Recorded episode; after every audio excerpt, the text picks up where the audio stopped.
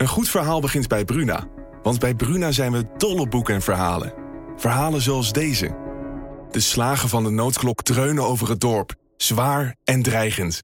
Ze overstemmen de gemoedelijke drukte op de markt. En alle handelingen vallen stil. Wat zou er aan de hand zijn? vraagt Oda ongerust. Wil jij weten hoe dit afloopt? Je leest het in Bloedlijn van Simone van der Vlucht. Nu bij Bruna.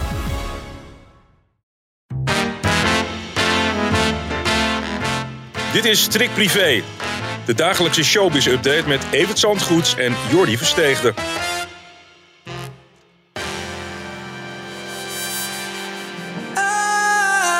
I'm sorry, losing myself. I'm chasing highs. I'm losing myself. I'm chasing highs.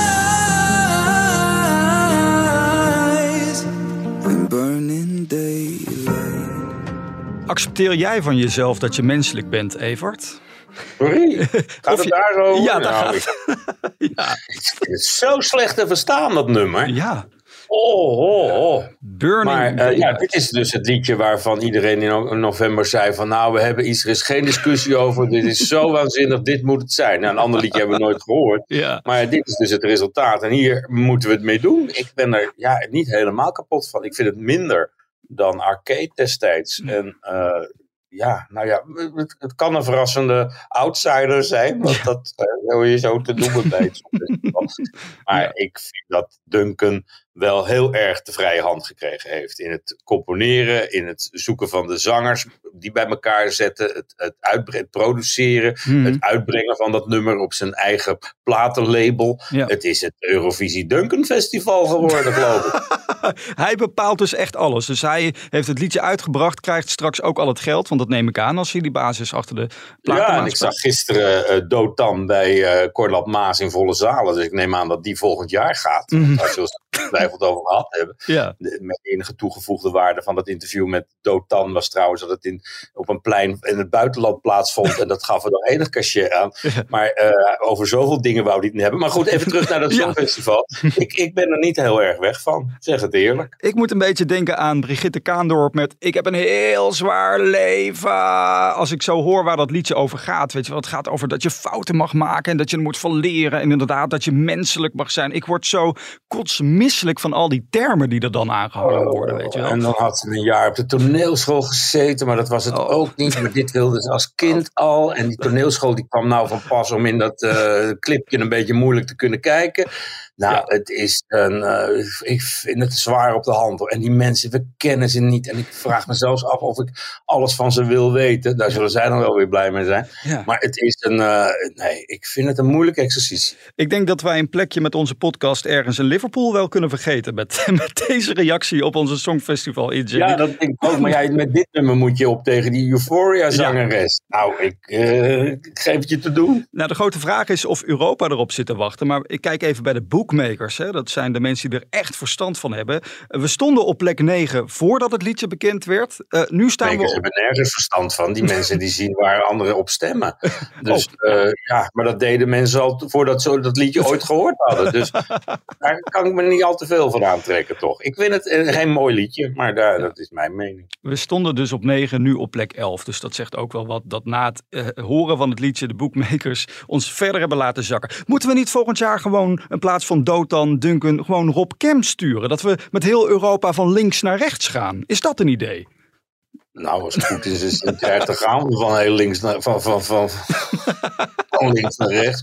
Er is hij al aardig aan begonnen. Nee, dat moeten we maar, eh, dat moeten we maar toelaten. Er is gedoe hè, rondom eh, Rob Kemps. Eh, er is een oud producer van hem opgestaan na zijn optreden bij... DJ Maurice, ex van Gordon. Ja, Wat is er aan de hand allemaal? Die heeft het eigenlijk allemaal bedacht, tot en met het rode jasje en de stropdas van Rob aan toe. Die heeft ook bedacht om in de Gelredome te gaan staan ooit. Dat was toen een hele sprong in de diepe. En die is door dat team ooit uitgekocht voor, naar verluid, tonnen. Heel veel geld. Mhm. Maar die is boos dat als Rob Kemps bij Eva Jinek in de talkshow zit bijvoorbeeld, dat zijn naam niet één keer meer valt. En ja, dat is denk ik een keuze van, van Rob Kemps. En die denkt van ja, dat is zakelijk afgewikkeld klaar. Mhm. En om nou iedere keer te gaan benadrukken eh, waar je vandaan komt en hoe dat ontstaan is, het- ja, dat wordt ook een beetje vervelend. Dus Ja. ja. Rob heeft ervoor gekozen om hem niet meer te noemen. Ja. En daar is hij dan boos over. En dan gaat hij op socials tekeer dat, dat je nooit je afkomst moet verloochenen en zo. En dat er zonder hem nooit snollebolletjes geweest was. En nou, dat zal allemaal best. Maar ja, ik denk dat hij zijn centen moet tellen. En niet voor niks uit dat team eh, vertrokken is of gezet is. Of in ieder geval dat hij er niet meer deel van uitmaakt. Ja, precies. Nou, één ding eh, las ik wel bij DJ Maurice. Vond ik wel interessant. Het aantal streams van naar links naar rechts. Wat denk jij? Hoeveel keer dat al gestreamd is op Spotify? Doe eens een gokje. Nou, eh, 10 miljoen keer. Nou, het, het, het gaat dus echt om 40 miljoen keer. Dat is echt bizar.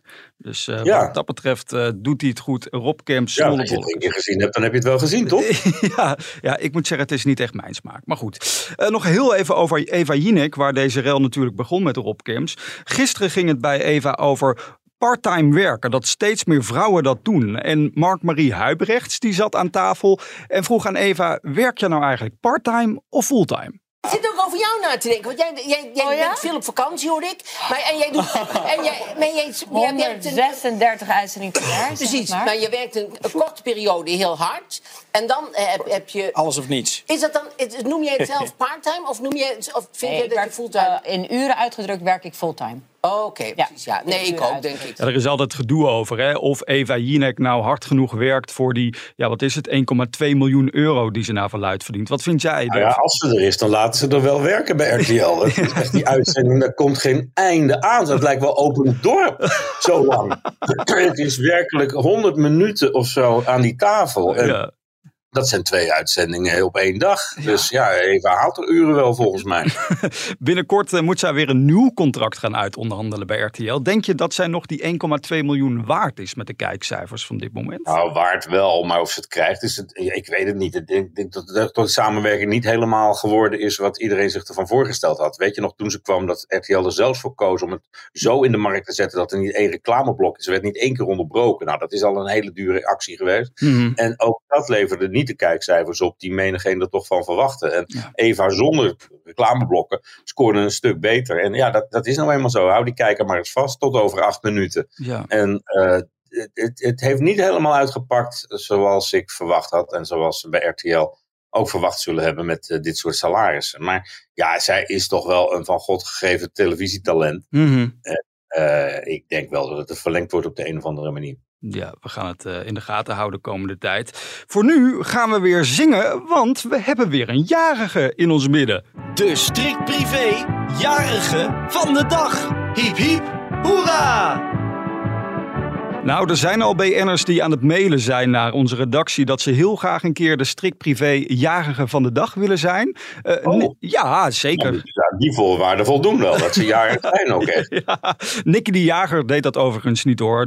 Die is gewoon Nee. jarig. En 29 jaar geworden. Ja, dan zal ze dat volgend jaar ook niet doen. Want 30 worden is toch echt wel een dingetje, meen ik me te herinneren van heel lang geleden. Ik word En, het. eh, ja, nou, wanneer? Eh 30 september. Duurt nog even. Ja. Ja. Nou, hebben we nog even. Maar het 30 worden is echt een ding. En als je de dag van tevoren denkt van niet, Mhm. op de zelf denk je, oh, dat was mijn jeugd. En eh, ja, zo voelt dat. Ja. En bij 50 krijg je dat weer een keer. Dan, eh, ja, dat, is- nou ja, dat is, wil niet zeggen dat zij natuurlijk in die 29 jaar niet ongelooflijk veel bereikt heeft. En daarmee feliciteren we haar. En met een nieuw jaar. En met een grote geluk in het privéleven. Ja. Dus er is genoeg om een fles te ontkurken, lijkt me. En dat zal ze zeker doen. Eh, vorige week feliciteerden wij nog eh, André van Duinen. En die is op dit moment op vakantie. Wat weet je daar vanaf? Nee, dat? dat is zeker geen vakantie. Hij zit in de sneeuw. Dat wel. Hij zit in Zwitserland. Want juffrouw Jannie had bedacht dat het zo leuk was om in plaats van een bootje nu eens met de trein door Zwitserland te gaan. Nou, Ja. André moet er niet aan denken. Die denkt, nou ik hoor het wel als het in december moet. Ja. Maar ja, bij Omroep Max gaat dat zo snel dat Jannie dat voorstelt en dat eh, Jan Slachter roept, ja, over twee weken opname. dus voordat André het wist, zit hij nu, zit hij nu in de Zwitserse trein door de Alpen Ja. te genieten van het eindeloze witte landschap. En hij doet al die dorpen en steden af, al die prachtige eh, Zwitserse eh, vakantiebestemmingen. Maar ze gaan ook naar een eh, fabriek van koekoeksklokken. En, weet ik, Oh. niet eens in Zwitserland volgens mij. Maar dat gaan ze ook allemaal doen. Dus het wordt zo'n programma dat, we, oh ja, die waar gaan we nu naartoe. Dus ja, het, het kijken ongetwijfeld weer bijna 2 miljoen mensen daar straks. Maar we moeten er nog wel tot na de zomer op wachten voordat we het resultaat te zien krijgen. En ondertussen Ja. speelt natuurlijk nog steeds die, die zaak eh, bij het Openbaar Ministerie. Mhm. Waar André ook niets van gehoord heeft. Dus hij wacht ook gespannen af wanneer hij daar meer over kan gaan vertellen. André van Duin, vriend van de show. Jij houdt hem eh, nauwlettend voor ons in de gaten. Morgen Zeker. Is Als de rest van eh sterren in Nederland. Hè? Zeker, ze moeten oppassen. En eh, morgen is het jouw beurt als luisteraar om vragen aan Evert te stellen. Bijvoorbeeld over André van Duin, maar het mag over echt alles gaan. Kom maar door via podcast.telegraaf.nl voor al jouw vragen. We zijn er morgen weer om 12 uur, Evert. Tot dan!